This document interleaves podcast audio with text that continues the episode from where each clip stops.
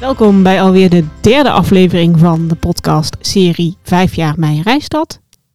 Tegenover mij zit Kaiden Teuling en mijn naam is Jessie van der Giessen en wij zijn nu gastheer en gastvrouw van deze podcastserie.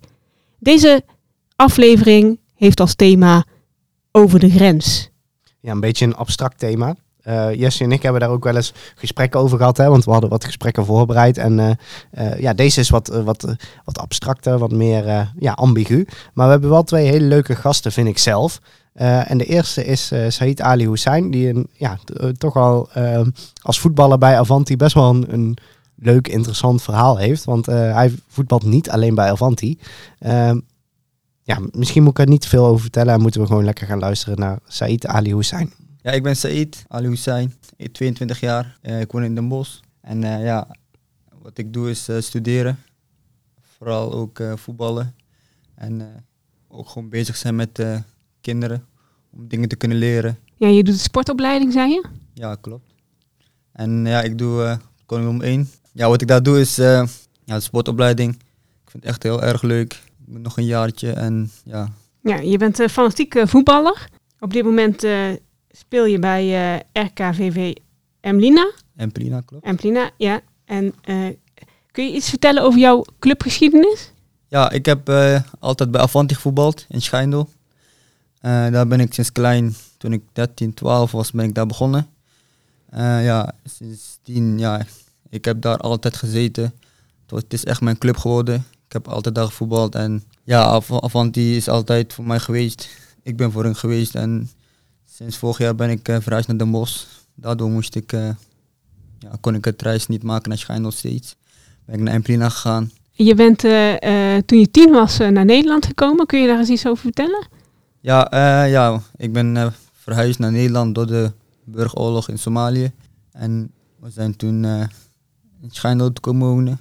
Met mijn ouders ben ik hier naartoe gekomen. mijn, stiefmoeder, nee, mijn stiefmoeder en mijn stiefvader. Nee, mijn stiefmoeder en mijn vader. En, uh, en mijn broertjes en mijn zusjes heb ik uh, een jaar in Schijndel gewoond. Sinds dat ik in Schijndel ben gekomen wonen, ben ik uh, bij Avanti gaan voetballen en ik ben goed opgevangen. Ja, en je bent ook international geworden. Hoe is dat gelopen? ja, dat was in 2019 heb ik mijn debuut gemaakt voor het Somalische nationale team. En ja, ik heb tegen Oeganda heb ik, ben ik ingevallen, 60ste minuut heb ik mijn debuut gemaakt. Uiteindelijk hebben we verloren, maar het was echt een mooie ervaring om mee te maken. Als je voor je eigen land speelt, dat is een, een droom voor elke kind, voor elke, ja. Dus het was echt een mooie ervaring. En je bent, uh, hoe zijn ze jou, hebben ze jou gevonden? ja, ik heb meegedaan aan een toernooi met Somalische ja, mensen in Nederland. Heb ik daar meegedaan. En daar was ik de beste speler en de best en topscorer van het toernooi geworden. En we hebben ook die toernooi toen gewonnen. En daardoor ben ik echt opgevallen en ben ik opgebeld door de bond, voetbalbond van Somalië. Speelde het nog mee dat er in 2019 eh, ook een eh, Somalisch-Nederlandse coach uh, was voor het nationale elftal daar? Ja, dat is dit sinds, sinds dit jaar. Pieter de Jong heb ik ook mee gesproken aan de telefoon. ja, dus een, uiteindelijk is hij nu is hij weer weg. We hebben weer een nieuwe coach. Dus ik heb nu niet meer echt contact met hem.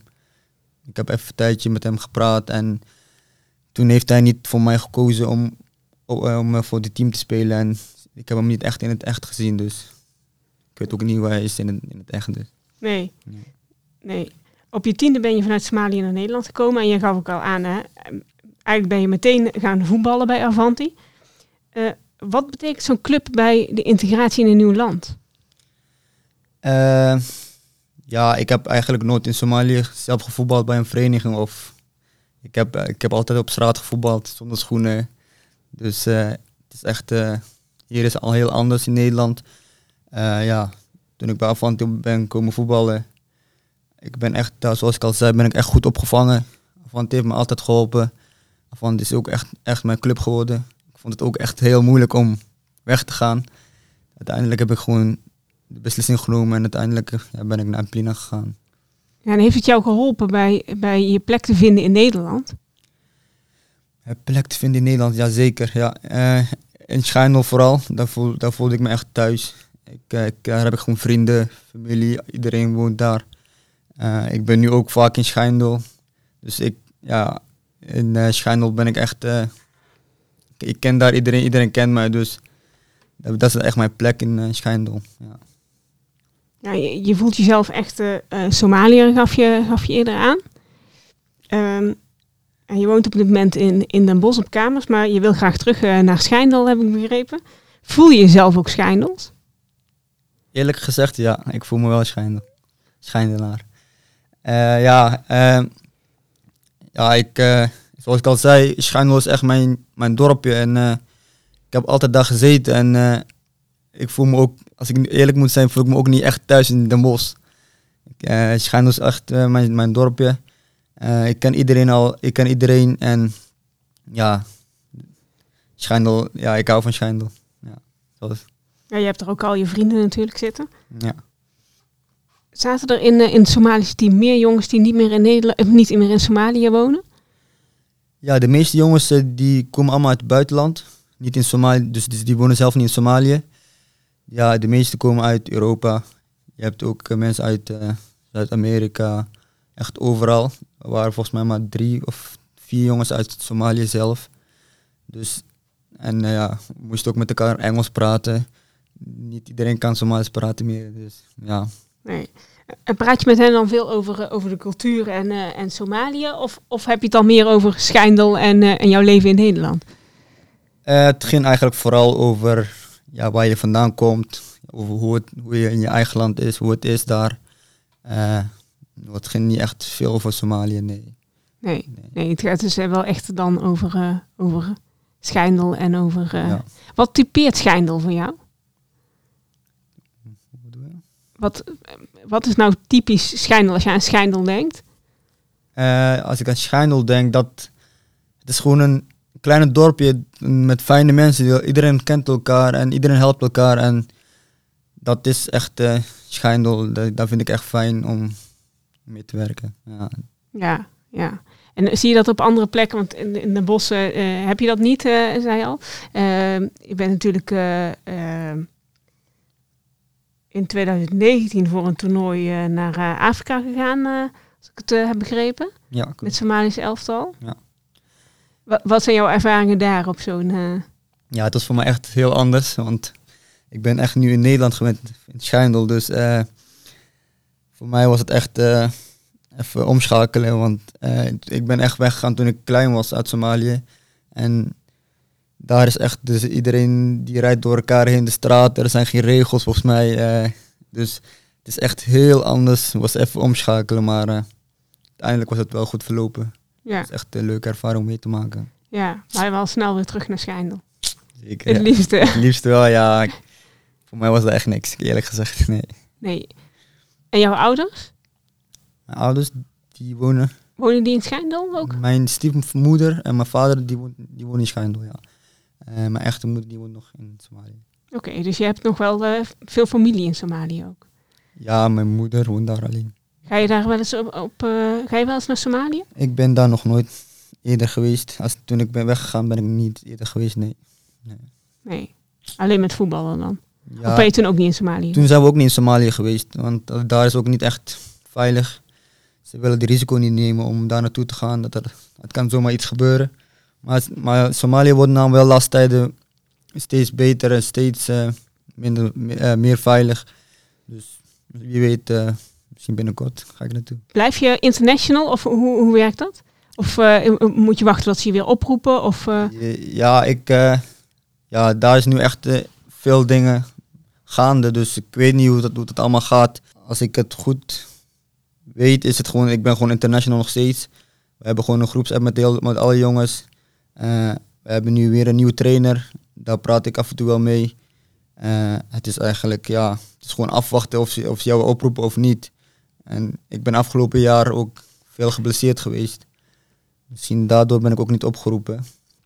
En eh, ja, ik heb wel gewoon contact met iedereen, dus wie weet, misschien weer binnenkort. ja, maar je blijft eh, in ieder geval voetballen.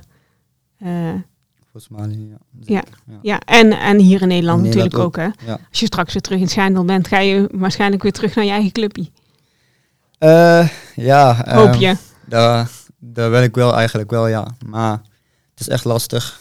Ik moet gewoon keuzes maken. Ik wil ook, ik wil ook zo hoog mogelijk voetballen. En iedereen weet dat Avanti niet echt een uh, hoge klasse speelt.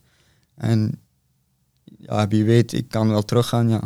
Dat was het gesprek met Said Ali Hussein. En de volgende gast is architect en stedelijk ontwerper Floris Alkemade. En voormalige Rijksbouwmeester. Daar, uh, dat is een hele belangrijke titel waar die, uh, waar die veel aan ophangt volgens mij. Daarmee is hij ook zomaar gast geweest. Ja, zeker. Hij is uh, geboren en getogen in Sint-Oederode. Hij woont daar ook in een, in een prachtig monumentaal pand. En daar waren wij te gast om hem te spreken over onder andere wat een Rijksbouwmeester eigenlijk wel doet. Nou, welkom uh, bij, de, bij de podcast. Uh, ja, dankjewel. Uh, Floris Alkemane. We zijn hier in uw huis in Sint-Oederode. U woont er prachtig, moet ik zeggen.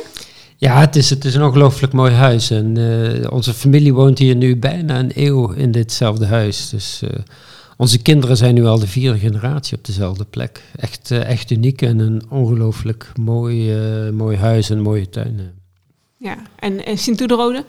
Ja, Roy. Hè? Ik, ik ben natuurlijk hier geboren en opgegroeid. En tussendoor als architect eigenlijk over de hele wereld gewerkt. Gewerkt bijna letterlijk de hele wereld, op alle continenten. En, ehm, maar hoe meer je van de wereld ziet, hoe meer je eigenlijk Roy ook gaat waarderen, moet ik zeggen. En zeker als je op zo'n plek kunt wonen, is het natuurlijk het, beste wat je kunt hebben. Ja, en, en u heeft de, hele wereld gezien, zegt u. Wat bevalt u zo aan Roy? Nou, toch wel de, de combinatie van ehm, de, de prachtige natuur. Hè? Het, de rivierdal van de Dommel. je gaat pas echt de schoonheid ervan herkennen als je ook hele andere landschappen, andere stedelijke culturen hebt gekend. Maar ik heb ehm, bijvoorbeeld heel veel in Parijs gewerkt. Hè? Wat, wat een prachtige, prachtige stad is natuurlijk. Maar vooral een hele prachtige, prachtige binnenstad. Hè. Als je kijkt dat eigenlijk het merendeel van de mensen in de banlieue en de buitenwijken woont. En dat daar de, de woon- en de leefkwaliteit echt bizar laag is. Uh, en dan zie je weer met diezelfde blik hoe in Nederland we, we, wonen en leven. En dat is ongelooflijk veel beter. En die, die kwaliteit van leven in Nederland uh, is uh, wat dat betreft echt opmerkelijk. En dat herken je in zo'n dorp als Sint-Oederode in, uh, in Meijerijstad. het vermogen om in een dorp, een stedelijke omgeving, eigenlijk alles te hebben. En goede natuur en goede voorzieningen. En een, een, een nabijheid die het werken op heel veel verschillende plekken ook mogelijk maakt. En dan die combinatie van eigenlijk allemaal kwaliteiten is iets wat je steeds beter in beeld krijgt, hoe meer je ook buiten bent geweest, zeg maar. Waarderen we dat wel genoeg? Uh... Nou, het is iets wat, um, als iets vanzelfsprekend is, is het heel lastig om te waarderen. En uh, ik, ik, merkte dat op een gegeven moment. Ik heb ook op een gegeven moment een groot project in Almere gedaan. En Almere kennen wij natuurlijk als hè, de slaapstad. Hè. Je hoort niet van Almere te houden in Nederland. En ik had op een gegeven moment eh, de, de burgemeester van Incheon op bezoek. Incheon is een havenstad van Korea naast Seoul, een stad met 6 miljoen inwoners. En uh, we waren daar ook bezig met een polderproject. En ik had hem mee naar Almere genomen. En hij keek daar rond en hij zei van ja, maar die huizen waar de mensen hierin wonen, bij ons een captain of industry, op het eind van zijn leven, als hij het goed gedaan heeft, kan zich zo'n huis veroorloven. En hier heeft iedereen het. Hè? Hoe kan dat nou? Hè? Dus wij kijken naar eh, Almere als van nou, hè, ik wil er niet dood gevonden worden. En dan komt er iemand, een burgemeester van de stad van 6 miljoen inwoners, en die ziet het paradijs. Hè? En dat vind ik altijd opmerkelijk, van, van hoeveel zaken je vanzelfsprekend aanneemt en die eigenlijk een enorme kwaliteit van leven vertegenwoordigen. Ja, ja. Uh, u bent uh, Rijksbouwmeester geweest. Kunt u eens vertellen, wat, wat doet een Rijksbouwmeester? Nou, het is een, het is een unieke functie. Dus, niet veel landen hebben het. En in Nederland bestaat de functie al meer dan twee eeuwen. En, uh, van origine was het architect des konings. Uh, ook een hele mooie titel natuurlijk. En die werkte vooral aan, uh, aan de koninklijke paleizen. Het onderhoud, soms dingen bijbouwen. En langzaam maar zeker is die functie verschoven naar architect die de kwaliteit van al het rijksvastgoed bewaakt. Dus eh, dat zijn de ministeries, de gevangenissen, justitiegebouwen, het binnenhof eh, en ook de koninklijke paleizen. Dus, ehm, dus dat is een hele belangrijke taak. En als Rijksbouwmeester heb ik me ook eh, heel nadrukkelijk bezig gehouden met eh, de verbouwing van het binnenhof, hè, het voorbereiden van die plannen.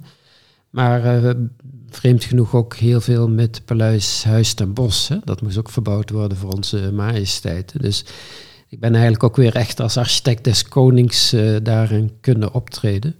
Waarbij een rijksbouwmeester overigens niet de plannen zelf ontwerpt, maar voortdurend eh, met heel veel verschillende architecten aan zo'n plan werkt en eh, de coördinatie voert, de plannen controleert, de architecten aanstuurt.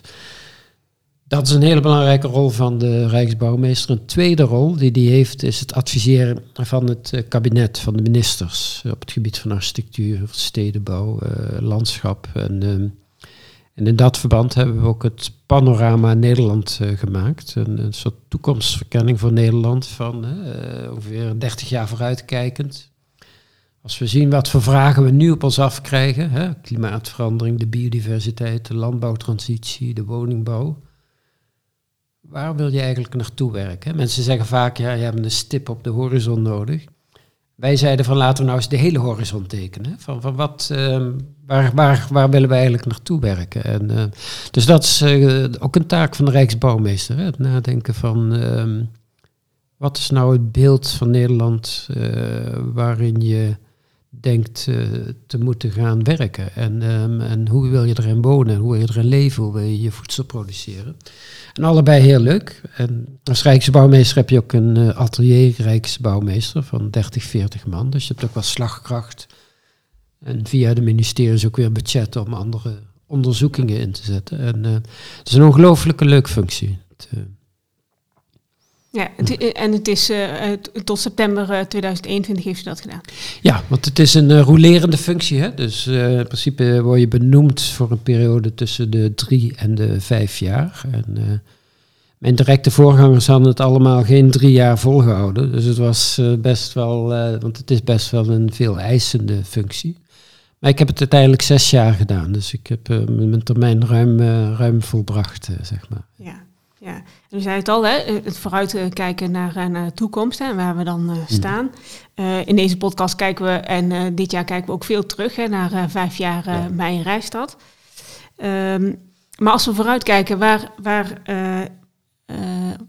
ziet u, waar zit de grootste uitdaging voor een gemeenschap zoals Mei in Rijstad? Nou, ik vind het boeiende van mijn reisstad uh, dat als je naar de toekomst kijkt, dat eigenlijk alle grote vragen van, uh, van deze tijd uh, heel concreet worden, juist in mijn reisstad.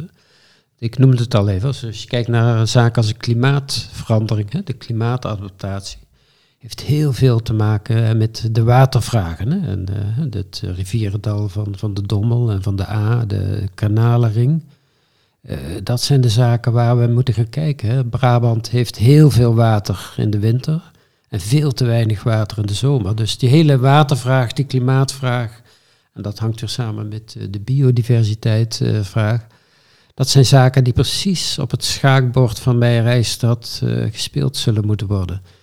Hetzelfde geldt voor, voor zaken als, als woningbouw. Hè? Van, van hoe ga je nou woningen toevoegen en dat niet ten koste laten gaan van de natuur, niet ten koste te laten gaan van de voedselproductie. Want ook de voedselproductie, hè, zeker met alle foodbedrijven in mijn reisstad, is natuurlijk enorm aanwezig ook in deze cultuur. Hè, zowel in de oude boerderijen als in de hele moderne bedrijven. En juist ook in de voedselproductie zie je een enorme transitie gaande. Hè? Van hoe gaan we dat circulair maken? Hoe gaan we zorgen dat we natuurontwikkeling en voedselproductie uh, met elkaar laten samenwerken? Allemaal grote vragen. En op een of andere manier verliezen die grote vragen een abstractie hier juist in mijn reisstad. We moeten gewoon aan de gang. En we hebben de kennis, we hebben de welvaart, we hebben het organisatievermogen en uh, ik, ik uh, noem mijn reisstad wel eens uh, de Twin City van de Brainport in Eindhoven. Waar Eindhoven natuurlijk enorme snelle ontwikkeling heeft in de virtuele wereld. Hè, in een steeds kleinere schaal in de, de internetwereld. Terwijl mijn reisstad eigenlijk diezelfde krachtige, verbazingwekkende ontwikkeling doorgaat maken, maar dan in de echte wereld, de echte schaal. Hè, van zaken als voedselproductie eh, dat kun je nooit als vanzelfsprekend aannemen. Dan moet je aan blijven werken. En we hebben met ontzettend veel succes de afgelopen decennia onze voedselproductie op een spoor gebracht dat we voor steeds minder geld steeds meer konden produceren.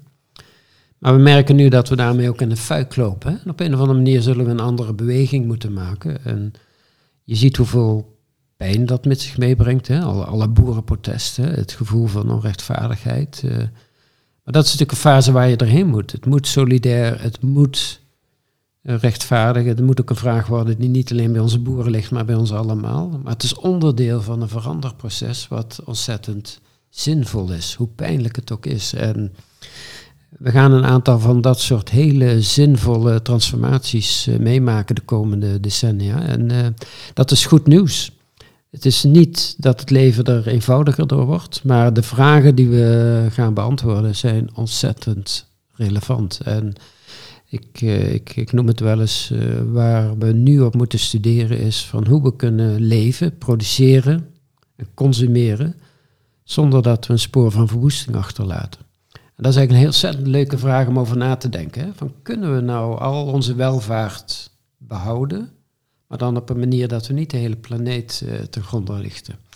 En dat is deels een uh, technologische vraag. Dus hè, de, jongens in Eindhoven, die kunnen we goed gebruiken wat dat betreft. Maar het is vooral een culturele vraag, een sociaal-maatschappelijke culturele vraag. En het besef van we zijn een gemeenschap en we zullen gezamenlijk verantwoordelijkheid moeten gaan nemen.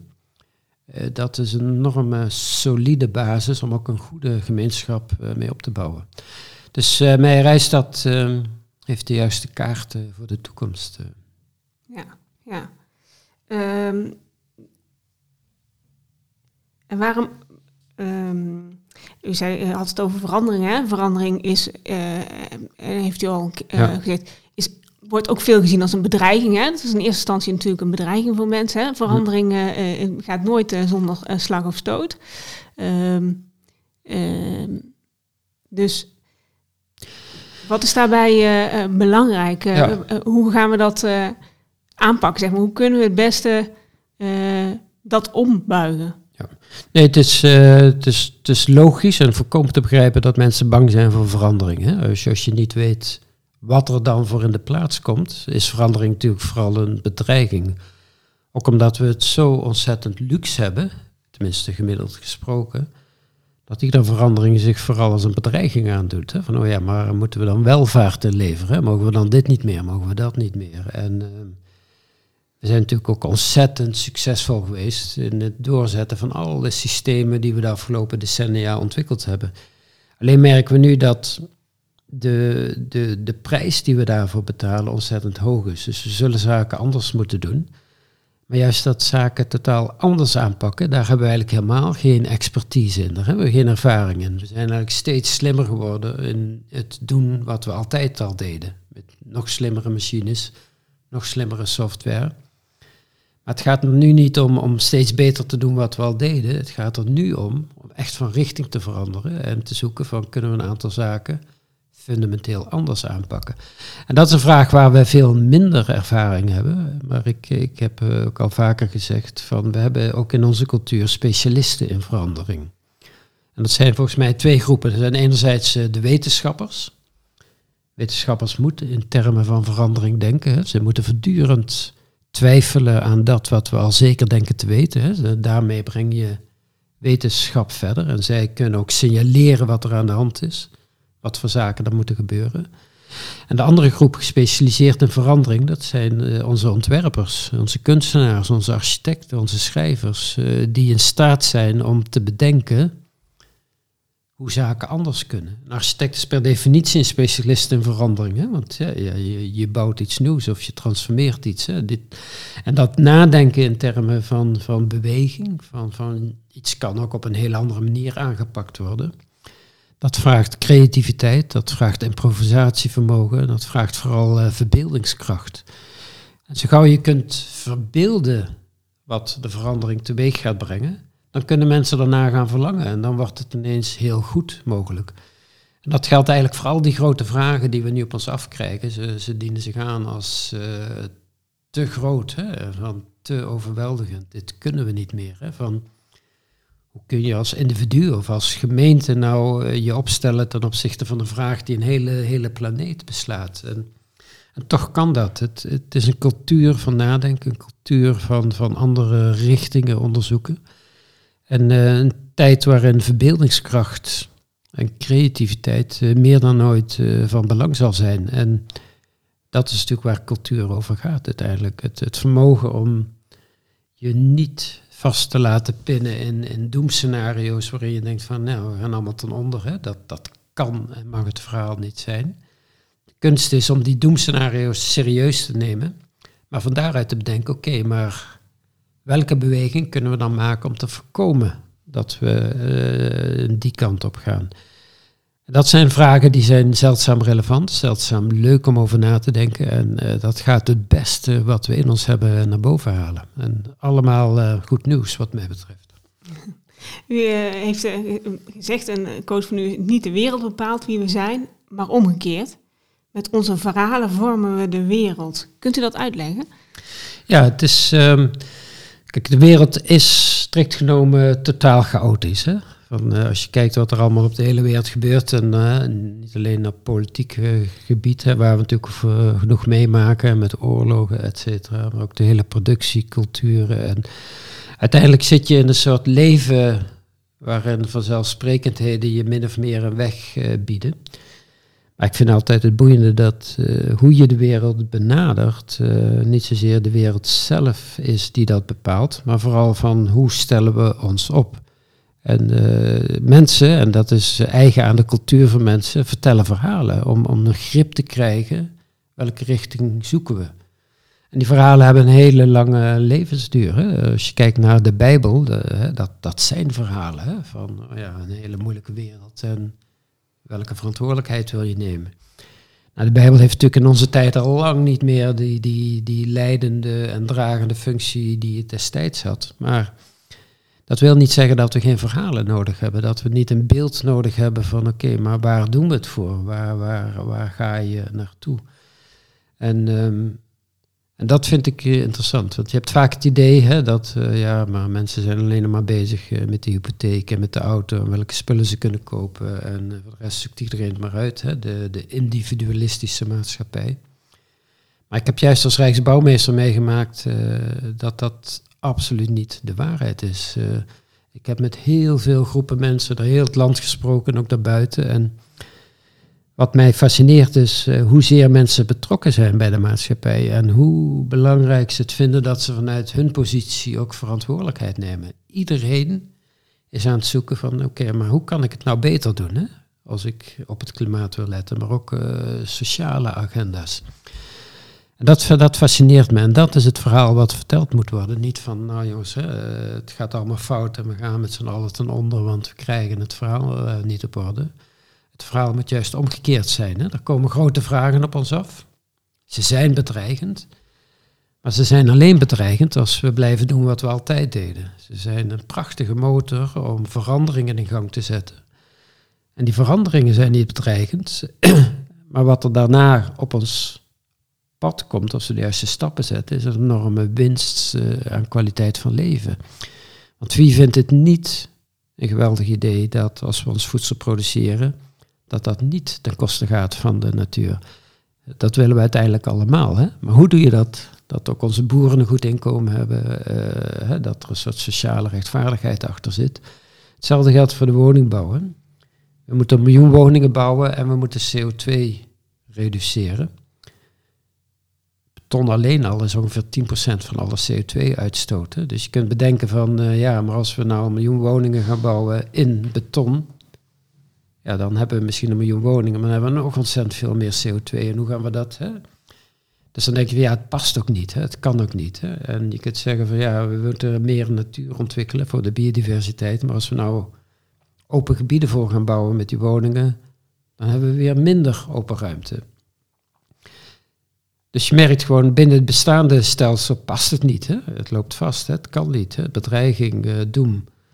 Tenzij je zegt van ja, maar als je nou bedenkt uh, welke andere richtingen je kunt inzetten, ontstaan er ineens een hele keten mogelijkheden waarin het wel kan. Uh, na de Tweede Wereldoorlog is hout uit onze woningbouw verdwenen. toen voor goede redenen, hè, want we hadden te weinig vakmensen, er moest snel gebouwd worden, wederopbouw, geboortegolf.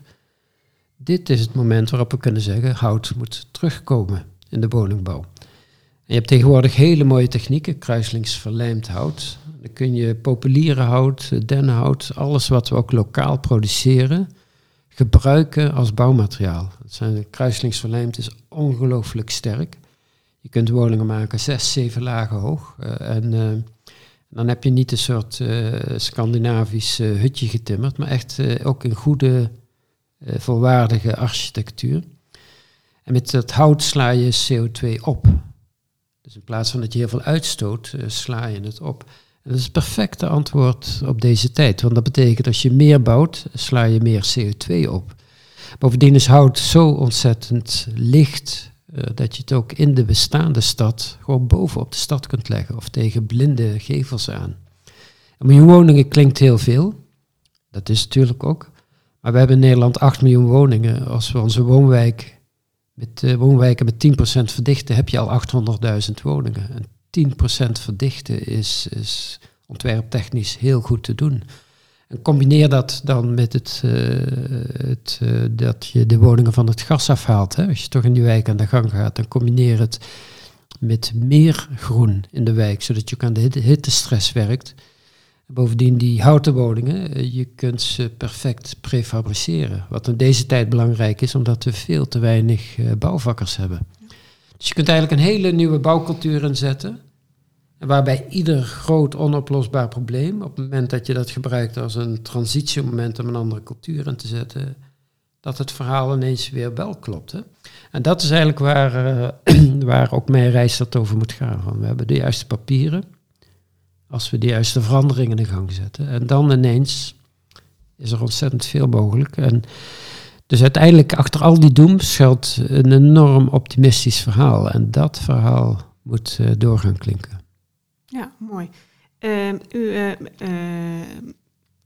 neemt ook deel aan de Raad van Verbeelding van Mijn Rijstad. Ja. Kunt u daar iets over vertellen? Nou, dat is eigenlijk een ontzettend leuk idee geweest van de Wim van der Donk, de vorige commissaris van de Koning. En hij had een hele, hele juiste constateringen, zei hij, van uh, we zetten zo'n nieuwe samenwerking van gemeentes op. En uh, dat is natuurlijk allereerst een soort bestuurlijke en administratieve uh, operatie. Hè. Je moet zorgen dat die systemen werken. Maar zei, daarachter schuilt natuurlijk ook gewoon de, de, de culturele en die identiteitsvraag. Hè. Wat, wat betekent dat, zo'n groter samenwerkingsverband? En uh, daar zit natuurlijk een, een, veel leukere vraag nog achter. Hè? Van, van uh, wie ben je? Wie wil je zijn? Wat is die identiteit? En, uh, en hij had dus het voorstel, misschien moet er naast de raad ook een raad van verbeelding zijn. Hè? Met mensen die gewoon met die verbeeldingskracht eens gaan nadenken van, van wat is dat dan?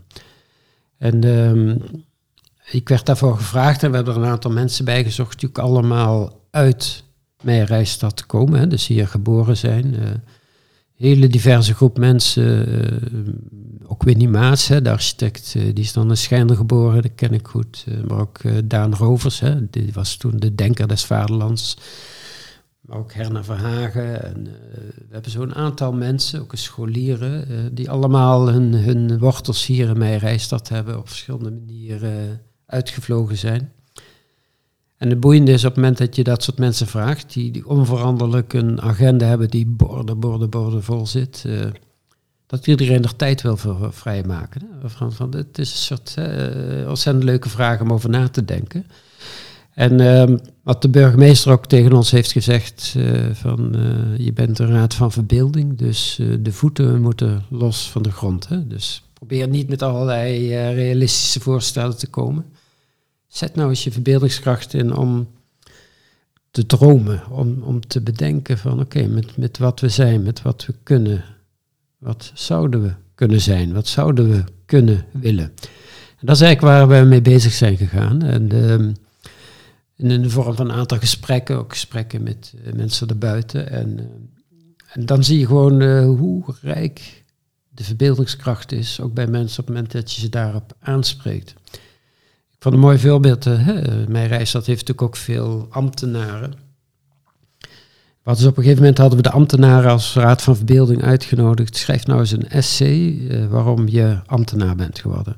En wat je eigenlijk zou willen bereiken als ambtenaar. We hebben natuurlijk vaak het beeld van een ambtenaar die, hè, die zijn uren vult en die eh, de papieren eh, werk in orde moet maken. Maar op het moment dat je ze aanspreekt op hun idealisme, komt er een heel ander verhaal naar boven. En dan zie je toch dat mensen vanuit hun ervaring zeggen, ja, we zien gewoon dit en dit gebeuren. En eigenlijk zouden we willen dat er dat zou gebeuren. En eigenlijk moeten we zorgen dat... Dus eh, die verhalen hebben we ook opgehaald. En dan merk je plotseling hoe, hoe betrokken mensen zijn eh, vanuit hun vak, maar ook gewoon als inwoner.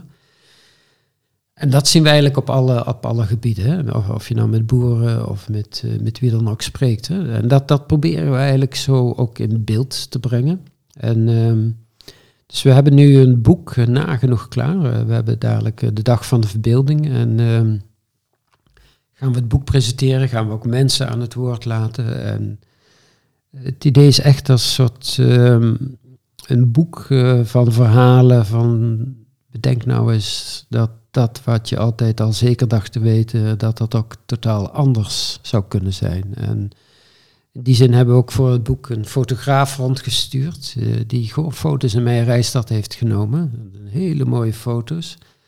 Maar hij rangschikt ze zo op een pagina, ook in verband met andere foto's, dat je plotseling dingen ziet waarvan je dacht van, hé, hey, nou woon ik toch mijn hele leven hier en, en, op deze manier heb ik het nooit gezien. Hè? En, dus dat is eigenlijk waar, waar de Raad van Verbeelding over gaat. Uh, de, het, het, verlangen om te bedenken uh, dat uh, dingen ook totaal anders kunnen zijn. En dat dat niet van de wereld afhangt, maar van ons verhaal wat we zelf willen vertellen.